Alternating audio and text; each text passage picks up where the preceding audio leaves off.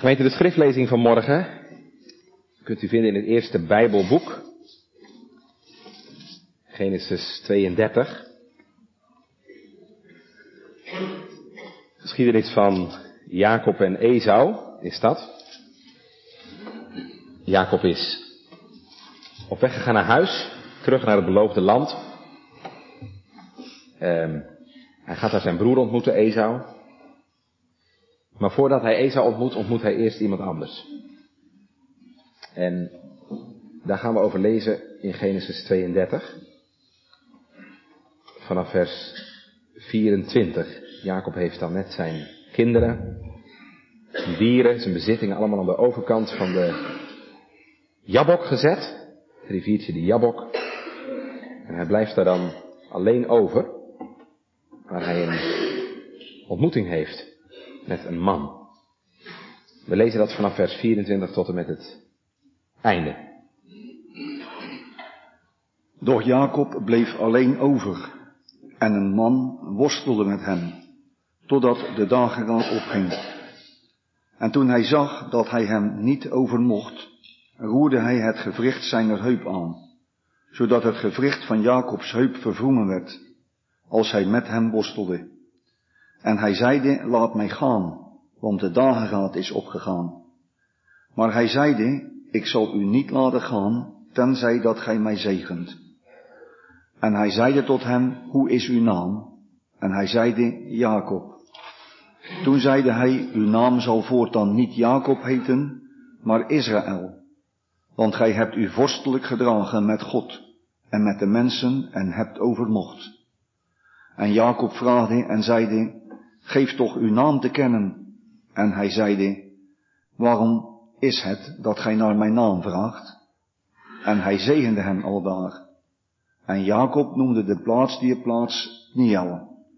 Want, zeide hij, ik heb God gezien, van aangezicht tot aangezicht. En mijn ziel is gered geweest. En de zon rees hem op, als hij door Pniel gegaan was. En hij was hinkende aan zijn heup. Daarom eten de kinderen Israëls de verrukte zenuw niet, die op het gewricht der heup is, tot op deze dag, omdat hij het gewricht van Jacobs heup aangeroerd had aan de verrukte zenuw.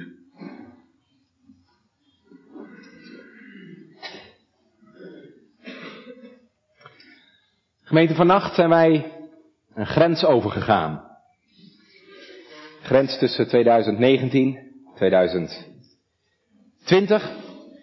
Ja, wij zijn dan gewend om elkaar een gelukkig, of beter eigenlijk nog een gezegend nieuwjaar toe te wensen.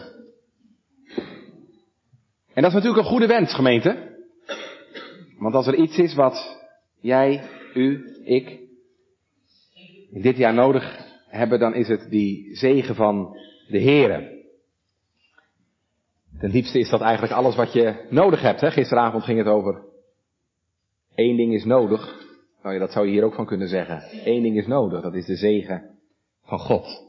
Maar gemeente, dat is wel iets wat je moet leren. Dat je die zegen nodig hebt. En dat moet je soms door schade en schande leren. Dat je Gods zegen nodig hebt. Zo ging dat ook bij Jacob. In Genesis 32, het stukje wat we net gelezen hebben, staat ook Jacob op een grens. De grens tussen oud en nieuw in zijn leven. En daar, daar op die grens van oud en nieuw, leert Jacob bidden om Gods zegen. Ik laat u niet gaan, tenzij dat gij mij zegent. En als 2020 voor u en mij een gezegend jaar zal zijn, gemeente, dan zullen wij dat gebed ook moeten leren bidden. Gemeente, er zijn soms tijden in je leven, dan lijkt het wel, het ene probleem is nog maar net voorbij, op het volgende dient zich alweer aan. Sommigen van u weten heel goed wat ik bedoel. Nou, in zo'n periode treffen we vanmorgen ook Jacob aan. Het ene probleem is nog maar net voorbij. Op het volgende dient zich alweer aan. Jacob is op weg. Op weg naar huis. Terug naar het beloofde land. Waar hij, dat weet u nog wel, hè, vele jaren geleden vandaan is gevlucht. Hij heeft in die tussenperiode bij zijn oom gewerkt. Oom Laban. En dan merkt Jacob, na een jaar of twintig, dat hij uit de gratie is geraakt bij zijn oom. En dan zegt de Heer tegen hem, met het hoofdstuk hiervoor, hoofdstuk 31, vers 3. Keer terug naar het land van uw vaderen en uw familie. En Jacob, ik zal met u zijn. Nou, wat wil je nog meer? Dat is natuurlijk een geweldige belofte, hè? Als God zegt, ik ben met je. Alleen gemeente, dat betekent niet altijd dat het ook makkelijk gaat. Dat is ook een les. Hè? Je kunt soms een weg gaan die Gods goedkeuring heeft, maar die niet makkelijk is. In elk geval, Jacob is gehoorzaam, hij gaat op reis. Alleen dat valt niet in goede aarde bij zijn schoonvader, Laban. Die trekt in volle vaart achter Jacob aan. Is boos dat Jacob zomaar vertrokken is. En hij heeft ontdekt dat er ook wat gestolen is. De terafim. De huisgoden. Had Rachel meegenomen. Nou ja, loopt uiteindelijk met de sisser af. Hè? Laban krijgt van God te horen dat hij uh, geen vinger naar Jacob mag uitsteken. En dan sluiten die twee een verbond. Maar dat probleem is dus nog maar net voorbij. Hoofdstuk 31. Of het volgende probleem dient zich aan. En dat heet Esau. Nou, u weet hè, dat die twee, Jacob en Esau, twintig jaar geleden, op niet zo'n fijne manier afscheid van elkaar hebben genomen. Esau was woedend, omdat Jacob op een nogal sluwe manier hè, de eerstgeboortezegen had gekregen. En die liep met moorddadige plannen rond. En wat je vaak ziet in families, is dat oud zeer lang blijft zitten. En daarom is Jacob bang. Hoe zal Esau reageren? Want hij komt in het, ja, de buurt van het gebied waar Esau woont. En ja, natuurlijk krijgt Esau dat te horen. En daarom stuurt Jacob bode naar Esau toe om te vertellen dat hij er aankomt, dat hij een aantocht is. Nou, die bode komen dan terug. Vers 6. En ze zeiden, we zijn gekomen tot uw broer, tot Esau, en ook hij trekt u tegemoet, en 400 mannen met hem. Nou ja, dat doet natuurlijk het ergste vrezen. 400 man met hem. Als Jacob dat hoort, gemeente, krijgt hij het benauwd. Je leest in vers 7, toen vreesde Jacob zeer en hem was bang. Bang. Maar Jacob is een handige jongen. En daarom neemt hij veiligheidshalve voorzorgsmaatregelen. Hij verdeelt zijn mensen, zijn gezin, zijn knechten en zijn dieren in twee groepen. Hem mocht Ezo dan de ene groep slaan, dan kan de andere groep misschien ontkomen. En dan gaat Jacob bidden. Let even op in die volgorde dus. Ja? In die volgorde. Hij bidt om verlossing. En moet je kijken wat hij zegt, vers 9. Voort zei Jacob, o God van mijn vader Abraham en God van mijn vader Isaac. O Heere die tot mij gezegd hebt, keer terug tot uw land en tot uw familie en ik zal bij, ik zal wel bij u doen.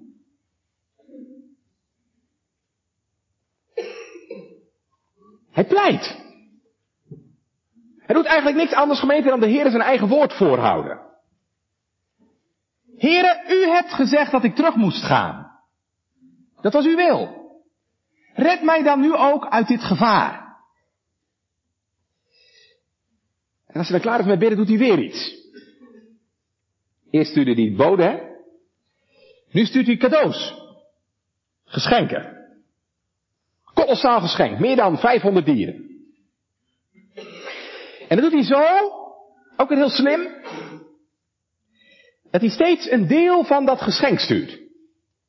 Elke keer een stukje. Als Esau drie keer zo'n geschenk krijgt, dan zal hem dat misschien milder maken. Ja, wat moet je hier nou allemaal van vinden? Er zijn bijbeluitleggers die uh, zijn redelijk positief over Jacob. Nou, dat is goed dat hij die geschenken stuurt. Het is toch goed als je initiatief neemt om iemand gunstig te stemmen. Het is tenslotte toch bid en werk. En toch gemeente, toch denk ik vanmorgen dat je wel wat op Jacob aan kunt merken.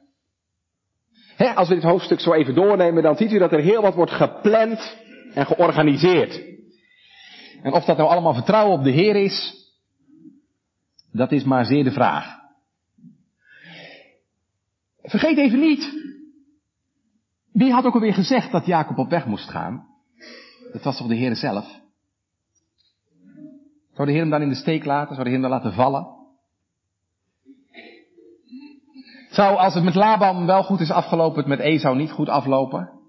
Zou de Heer niet weer voor hem kunnen zorgen? Bovendien, hè, als je dit hoofdstuk begint te lezen, dan zie je dat de Heer hem nog een extra bemoediging heeft gegeven. Vers 1, hè?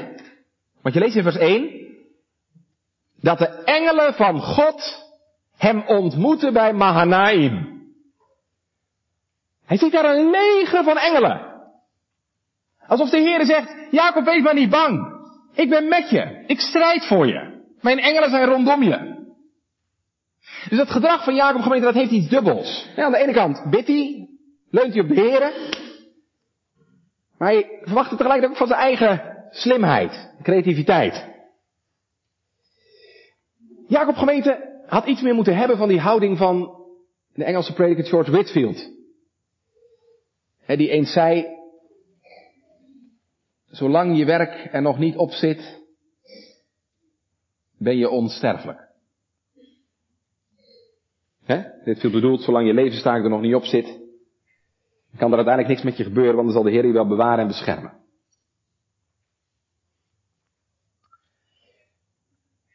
Aan de andere kant, gemeente, hebben u en ik veel reden om ons vanmorgen boven Jacob te verheffen. Hoe vaak gebeurt het niet dat je bidt, Heere, help me. Heer, ik vertrouw op u. Maar wat valt het in de praktijk moeilijk om dan ook echt op de Heere te wachten en om Hem te laten werken.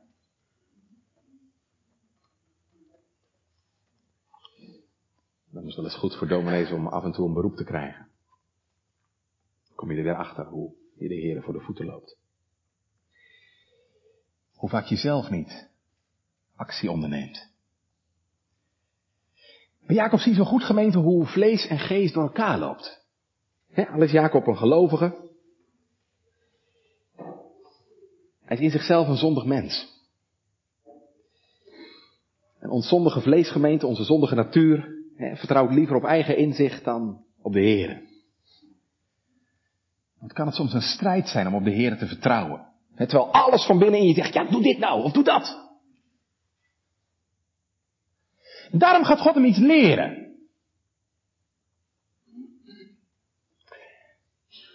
Want het wordt avond. Jacob weet, Ezo is onderweg. de ontmoeting met mijn broer komt steeds dichterbij. En dan blijft Jacob die nacht in het tentenkamp. Zou die lekker geslapen hebben? Nou, misschien wel net zo slecht als wij gemeente. Of wel helemaal niet. Want je leest hè, in uh, vers 22 dat hij midden in de nacht opstaat. Hij gaat weer een koerswijziging aanbrengen. eerst had hij alles, zei ik net, in twee legers verdeeld. Nu besluit hij toch maar om alles over de rivier te zetten. De Jabok. Nou, dat is een enorme operatie. Het hols van de nacht. Alles over te zetten. Mensen, dieren. En dan lezen we, en hij nam hen, vers 23, en deed hen over die beek trekken, en hij deed hen overtrekken hetgeen hij had. En dan lezen we verder. Doch Jacob bleef alleen over. Ik weet niet waarom. Misschien heeft hij gedacht, dan vang ik Esau maar op. Dan de rest een veilig heenkomen zoeken. Misgaat. Ook wel weer moedig, toch? Zelf de eerste klap opvangen. Nou, die komt ook die nacht. Maar anders dan hij gedacht had. Want midden in de nacht is er ineens iemand bij hem. Een man, staat er in vers 24. En die man gaat hem beet. Die begint met hem te vechten. Te worstelen. Heel de nacht door, uur na uur, staan die twee daar aan de oever van de Jabok te worstelen. Totdat het morgenlicht door begint te breken en het gaat schemeren.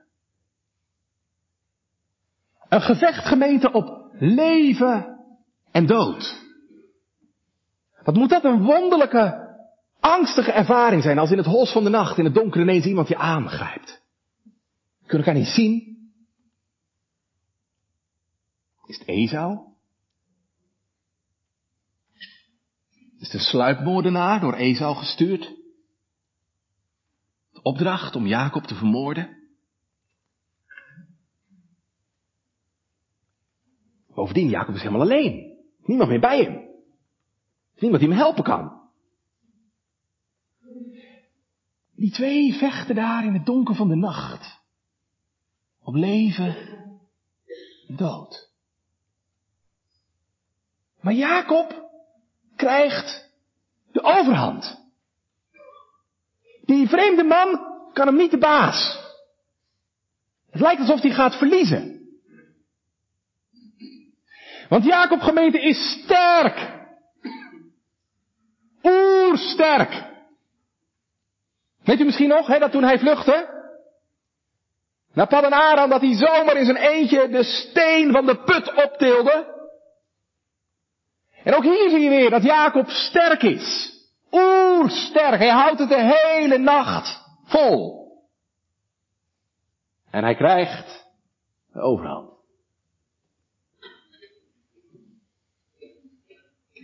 Maar dan gebeurt er iets. Iets waardoor die hele strijd anders gaat lopen. Die man tikt hem even aan.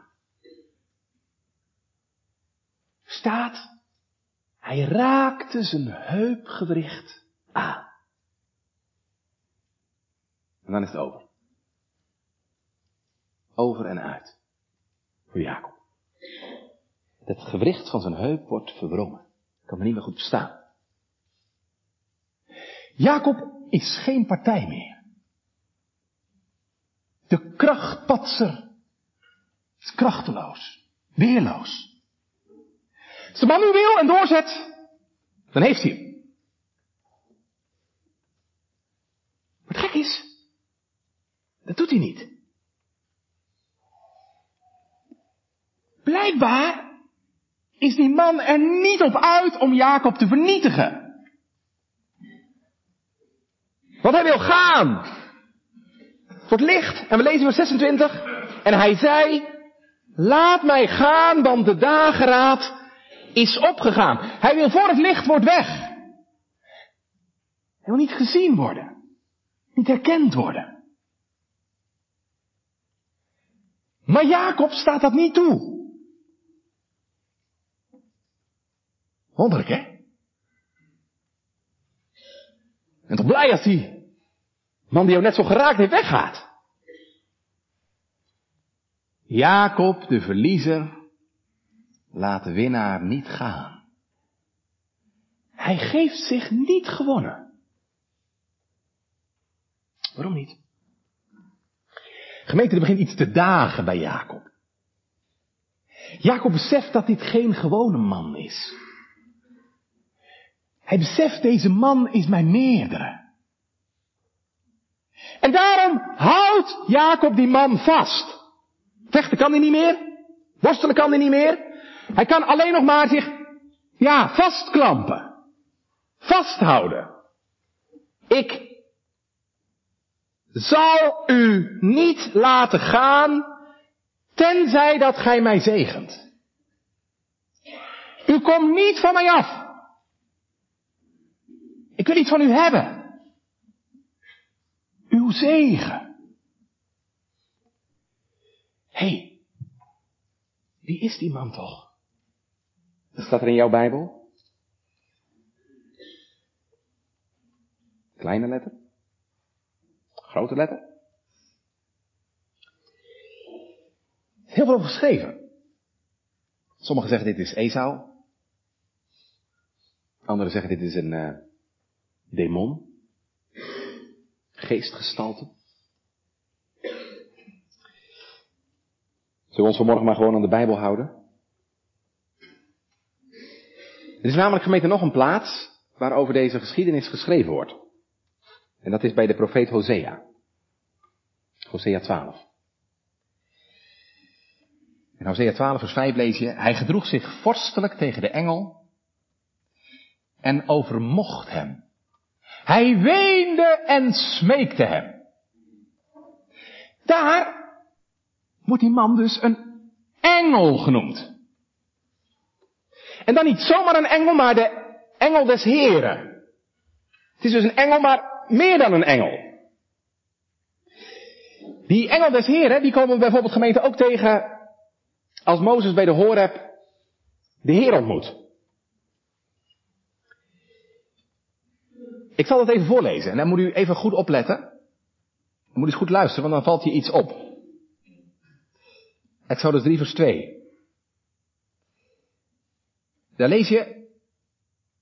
En de engel des Heren verscheen Mozes in een vlam des vuurs. En dan gebeurt er iets opvallends. En Mozes gaat dan naar die braambos toe, u kent dat verhaal. En dan lees je twee versen verder. Toen de Heere zag dat Mozes zich daarheen wendde om te bezien, zo riep God tot hem uit het midden van de braambos. Eerst gaat het over de engel des Heren. En twee versen later heet die engel ineens de Heere. God. Calvijn, en ik val hem daar helemaal in bij. Calvijn meent dan ook dat die engel van de Here een oud-testamentische verschijning is van Christus. He, want het is een engel, maar het is tegelijkertijd de Heere zelf. Christus die verschijnt oud-testamentisch in de gedaante van een engel.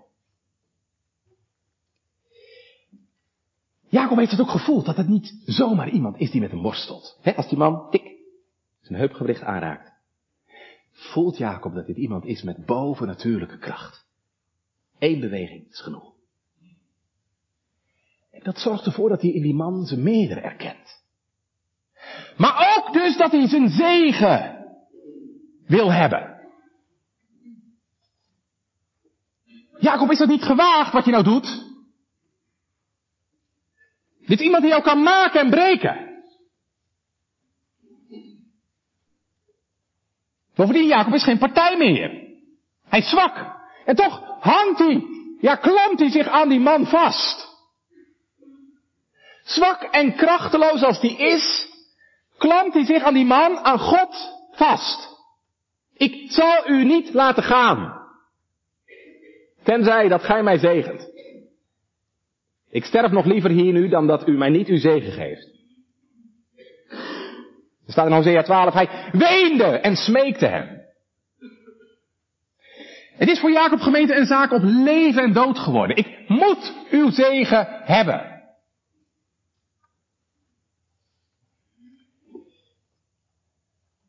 Nou gemeente, die zegen die krijgt hij. Als het je zo om Gods zegen te doen is. Als dat voor jou een zaak van leven en dood is geworden. Wees niet bang, dan krijgt u de zegen. Maar niet zomaar. God geeft zijn zegen nooit zomaar. Toen niet en nu niet. In deze nacht gaat God Jacob iets leren. En dat is een lesgemeente die moeten wij ook leren. God gaat Jacob in deze nacht twee belangrijke lessen leren. En dat zijn twee lessen gemeenten die je moet leren, ook wij, om de zegen van de Heer te ontvangen. Wat doet God? Het eerste gemeente is, God maakt Jacob zwak. God maakt Jacob zwak. Zei net hè, is een heupspier te verwringen, wordt Jacob krachteloos. Daar hebben we de eerste les vanmorgen. Alleen als je zwak bent, alleen als je inziet dat je zelf niets meer kunt, kan God je zegenen.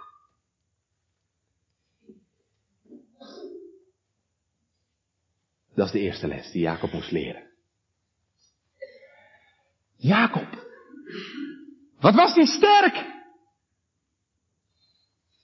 Bijna sterker dan God. Hij wint het bijna van de Here. Jacob is de man die zijn leven lang gesteund heeft op zijn kracht. En op zijn eigen slimheid, trucjes en inzichten. En wat heeft hij daarmee vergeschopt?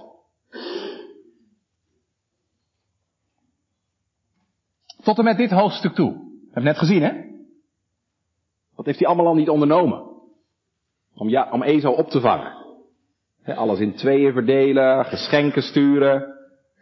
Alles vervolgens over de rivier zetten. Maar gemeente, zolang je op jezelf vertrouwt, op je eigen inzicht en je eigen kracht, kan de Heer zijn zegen niet aan je geven. En daarom moet Jacob zwak gemaakt worden. Wat gebeurt hier? Hij kan niks meer. Hij kan nog maar één ding, zich als een kind. Weet je wel? Een dreumes die aan je nek hangt. Een kind zich aan God vastklampen. En dat doet hij pas als hij zelf niks meer kan. Dat was de les die Jacob moest leren. En dat was de les die God Jacob wilde leren. Om Jacob te veranderen. Zodat hij afhankelijk wordt van God en Gods zegen nodig krijgt. Ja, gemeente, en dat is wat wij ook nodig hebben. Afhankelijk worden van God, zodat je Gods zegen nodig hebt. Wij hebben allemaal Gods zegen nodig, maar de ellende is dat we dat van huis uit niet zien. Sinds het paradijs zijn wij mensen die denken dat we het prima zonder God redden. En er is zoveel wat we zelf doen en er is zoveel wat we zelf kunnen. Het zit er al in, met de kleine kinderen. Ik het doen. Zelf doen. En dat raken we niet kwijt als we groot zijn. En daarom vertrouwen we niet op God. En daarom moet God ons afhankelijk maken. En hoe doet hij dat? Dat doet hij door met je te worstelen. Hij gaat het gevecht met je aan. Hoe bedoelt u? Ik heb toch nog nooit met God geworsteld? Nog iemand meegemaakt die zoiets heeft meegemaakt als Jacob. Dat is waar. En toch gemeente, doet God dit nog steeds. God worstelt met mensen. Weet je wanneer hij dat doet? Dat gebeurt als er beproevingen op je weg komen. Elke beproeving in je leven is een worsteling van God. Heb je het zo wel eens bekeken? Bij elke beproeving worstelt hij met je. Als je verkering uitgaat. Als je zonder werk om te zitten. Als je ziek wordt. Wist je dat? Dat God dan met je worstelt?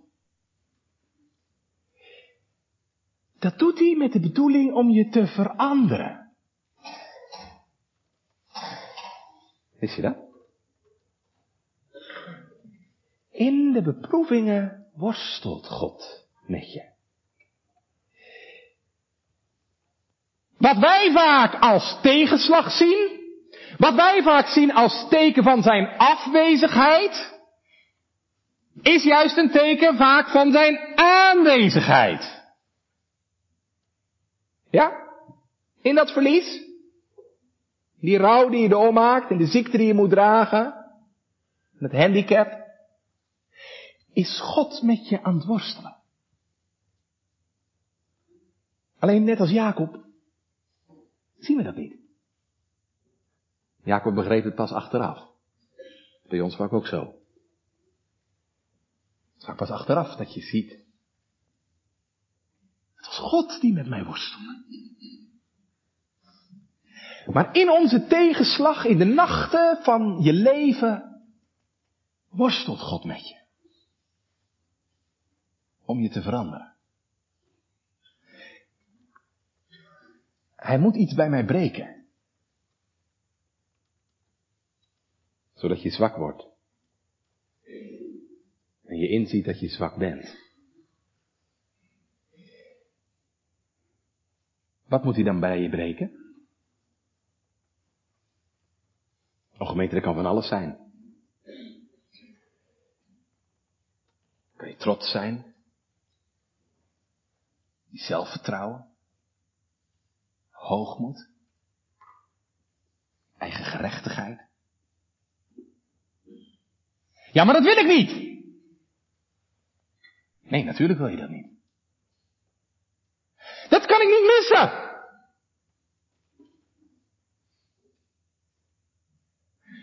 Maar God raakt de gevoelige plekken van je leven aan.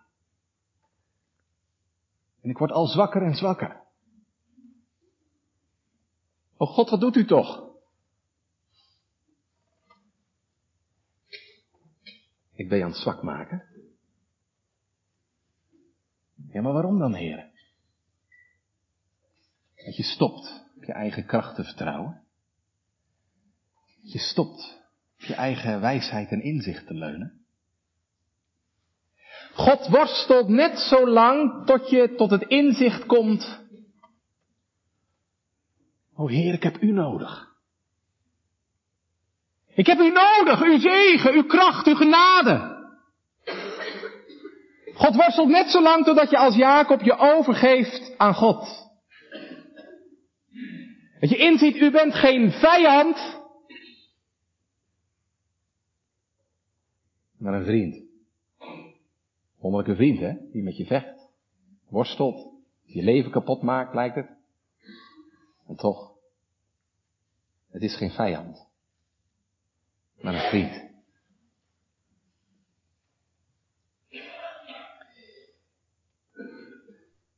Ik moet denken aan die uh, mijnwerker in Duitsland.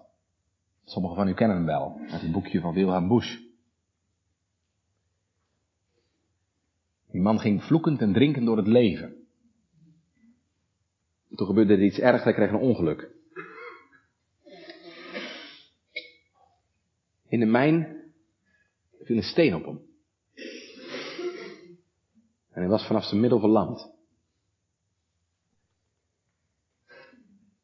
En uh, dominee Boes ging bij hem op bezoek. Het was vreselijk.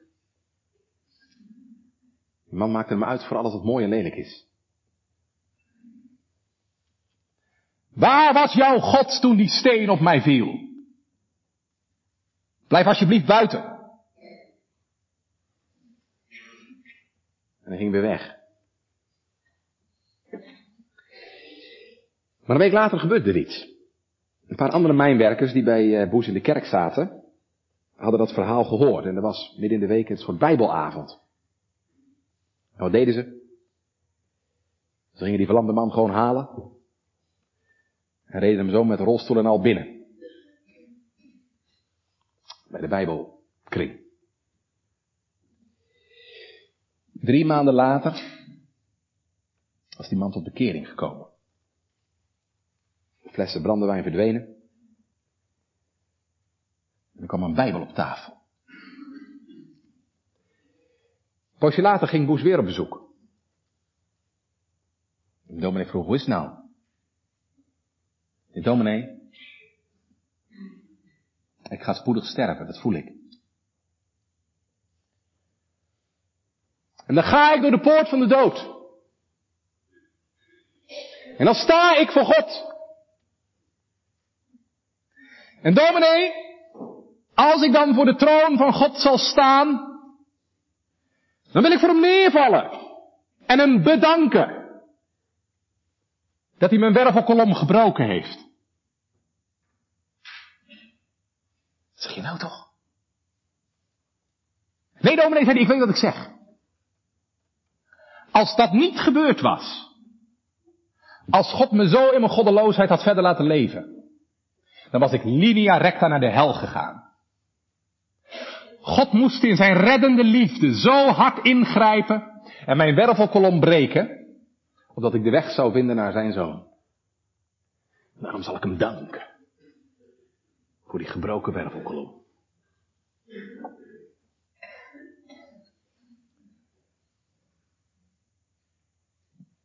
Wonderlijke God hebben we, hè? Juist als je zwak bent, kan God je zegenen. Wat je in het gewone leven moet leren, sterk zijn, zelfstandig worden. Gemeente, dat moeten we in het geestelijk leven juist afleren. Waar we op school onze slimheid en kracht moeten gebruiken, moet je het op de school van de Heer Jezus precies andersom leren. Moet je het juist afleren. Om op je kracht en slimheid te vertrouwen. Om als een zwak mens op een sterke God te bouwen.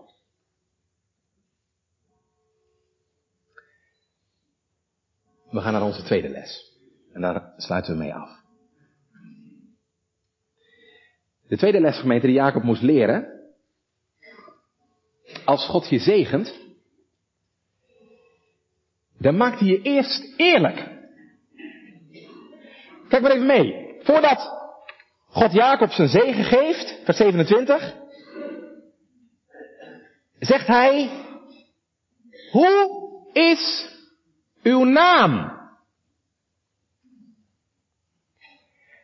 Wie ben jij? Kom eens tevoorschijn. Onthul je identiteit is. Wie ben jij? Hoe is uw naam? Als Jacob dat straks vraagt, hoe is uw naam? Krijgt hij geen antwoord. Maar hij zelf moet wel antwoord geven. Hij krijgt de zegen van God alleen door te zeggen wie die is. En dan moet hij zijn naam noemen. Hoe is uw naam? En hij zei, Jacob. Ja, gemeente, die naam zegt alles. Die naam onthult wie die is. Wat betekent Jacob? Dat weet u wel. Bedriegen. U kent dat verhaal wel, hè? Dat uh, Jacob de eerstgeboorte zegen van Esau steelt. Bedriegt zijn oude vader en hij gaat er met de zegen vandoor. En als Esau dat dan hoort in Genesis 27, dan zegt hij, moet je goed luisteren. Is het niet omdat men zijn naam noemt Jacob, dat hij mij nu tweemaal heeft bedrogen? Jacob is bedriegen. En God geeft pas zijn zegen als Jacob zijn naam noemt, zijn identiteit onthult. Die naam gemeente, die naam Jacob is een schuldbeleidenis. Dat ben ik. Bedrieger. Jacob is de man die loog en bedroog en die met slimme trucjes zichzelf op de been hield. Die slim en sluw door het leven ging. Wat heeft hij daarmee ver geschopt, zei ik al. Maar nu dwingt God hem ertoe dat in te zien en dat toe te geven. Ik geef pas mijn zegen als je inziet wie je bent. Als je je naam noemt. Die oude Jacob gemeente moet eraan. Die kan voor God niet bestaan. Nou, daar hebben we de tweede les van morgen. Er komt pas ruimte voor de zegen als je eerlijk wordt voor God.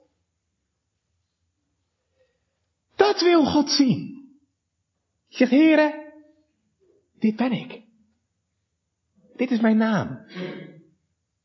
Mijn naam waarmee ik geleefd heb, waarmee ik gezondigd heb. Mijn naam, o God, waarmee ik voor u niet kan bestaan. Een oude ik kan voor u niet bestaan.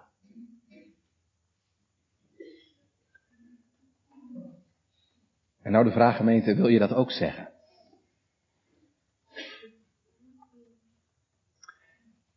Ben je ook bereid om je naam te noemen? Hoe is uw naam? U ziet hier, dat is de enige weg naar zegen. Dat je eerlijk bent voor God. Dat je je schuld en je schande niet meer verstopt, maar eerlijk toegeeft. En dan moet je eens even opletten. Weet je wat nou zo geweldig is? Juist als Jacob dat zegt. Ik ben Jacob. Juist als Jacob eerlijk wordt voor God. Dan doet God hem een belofte. Kijk maar. Uw naam zal voortaan niet Jacob, bedrieger, heten, maar Israël. Gij hebt God een nieuwe naam genoemd met die van mij.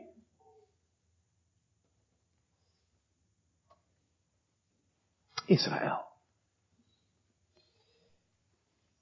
Dat betekent zoiets als strijder.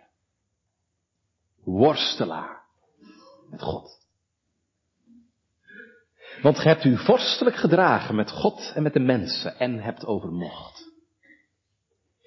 Kijk, gemeente, en met die nieuwe naam wijst de Heere Jacob een nieuwe richting in zijn leven. Niet meer de weg van list en bedrog, van steunen op je eigen inzicht. Maar Jacob, voortaan ben jij de man die met God heeft geworsteld.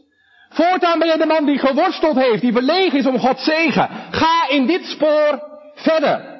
Wees een worstelaar met God om zijn zegen. Jacob krijgt een nieuwe naam. Ja. Als je eerlijk je oude naam vertelt, wil God je een nieuwe naam geven. Ook aan ons. Ook aan ons. Dat heeft hij al beloofd. Bij uw doop. Daar heeft hij die nieuwe naam al genoemd. De naam van Jezus Christus tot vergeving van zonde. Daar heeft God in je doop die nieuwe naam al aangereikt.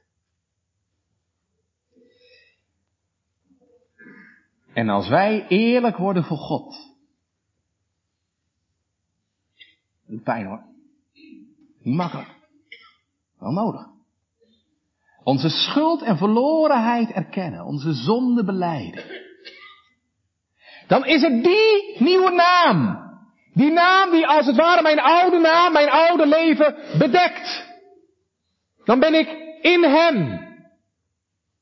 Christus Jezus, een nieuw schepsel. Gemeente, dan wordt het oud en nieuw in je leven. Dan mag je zeggen, het oude is voorbij gegaan. Zie, het is alles nieuw geworden. Waarom? Waarom kan God ons zegenen?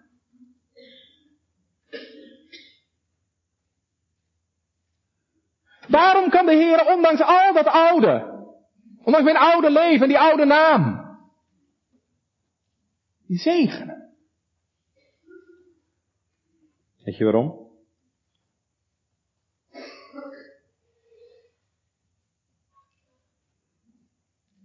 Omdat er nog een nacht is geweest. Een nacht die nog donkerder was dan deze nacht. Een nacht dat er ook een man worstelde met God. Niet eens zo ver vandaan. Hier. Niet aan een rivier, maar in een hof. Het is middernacht en in de hof buigt tot de dood bedroefd in stof. De levensvorst in zijn gebeen doorworstelt hij. Zijn strijd alleen.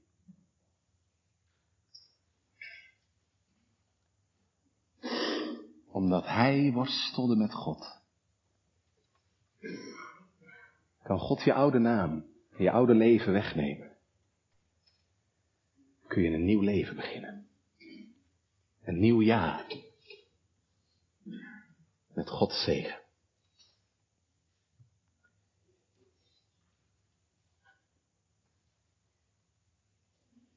Het is oud en nieuw geworden voor Jacob.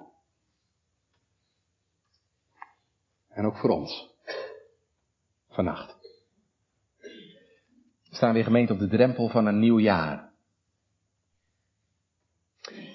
Ik wens u een gezegend nieuwjaar. De zegen van God. Dat Hij met u is. En dat Hij bij u is. En dat Hij voor u is. In je gezin. In je huwelijk. Relatie. De gemeente. En er is niet zo erg gemeente als u dat mist.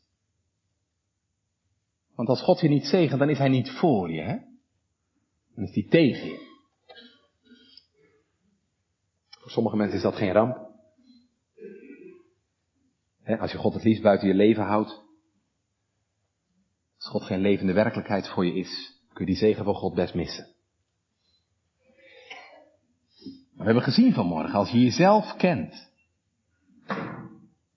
in je zonde, in je verlorenheid, in je zwakheid, gemeente, dan is er niets wat je zo nodig hebt als de zegen van God. Klamp je je vast aan de Heer. Ik laat u niet gaan, tenzij dat gij mij zegent. Want zonder u, Heer, kan ik niets doen en zonder u wordt het niets. Ik wens u een gezegend nieuw jaar. Een jaar waarin je zwak bent voor God. En juist zo steunt op Hem. Een jaar waarin je vastklampt aan Hem. Ik laat u niet gaan tenzij dat Gij mij zegent.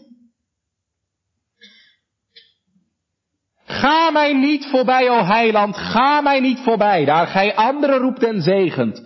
Zegen gij ook mij. als dat uw verlangen is, dan mag ik u zeggen, God is er ook in 2020. De Heere is nabij. Grijp hem aan. Laat hem niet gaan. Ik zou vanmorgen willen zeggen, als Christus uw hoop is geworden, als Hij je nieuwe naam is, laat 2020 dan een jaar zijn waarin je meer en meer aanhoudt bij God om zijn zegen. Laat 2020 dan een jaar zijn waarin je zwak durft te zijn. En als een zwak mens steunt op God. En dan mag je leren, mijn genade is echt genoeg. En dan mag je zeggen, als ik zwak ben, ben ik machtig. En als Christus uw nieuwe naam is geworden, dan ook zeggen, leef er ook uit. Jacob moest leren uit zijn nieuwe naam te leven. U ook. Zoals gij Christus Jezus de Heer hebt aangenomen, wandelt alzo in Hem.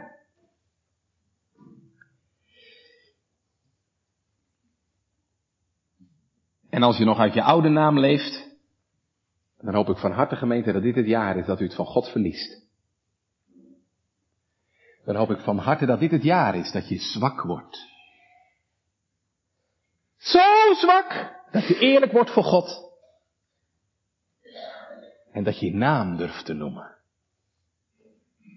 Zo zwak gemeente dat je alleen nog maar God kunt vastklampen. Zegen mij. Zegen mij. En dan zou ik willen zeggen, gemeente, wees dan maar niet ontmoedigd. Als het voor Jacob kon, zo'n leven, zo'n bedriegen, dan kan het voor u ook. Met al zijn schuld wilde God zijn God zijn. Want God is de God van het verbond. En daarom liet hij Jacob niet los. En gemeente, God is nog steeds de God van het verbond. En daarom heeft hij ook Annemuiden nog niet losgelaten.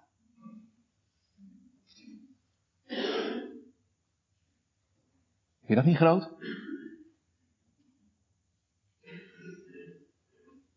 Ik heb momenten dat ik de gemeente wel eens los wil laten. Niet meer zien zitten. Maar zo is de Heer niet. Hij laat niet los wat zijn hand begon.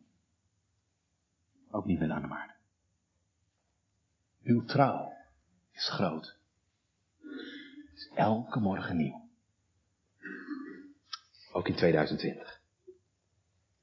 Want ook dit jaar is een jaar anno domini. Jaar van onze Here. En hij is gisteren, heden en tot in eeuwigheid dezelfde. Daarom mogen we zeggen wat we nu gaan zingen. Zalig hij, die in dit leven Jacobs God ter hulp heeft. Amen.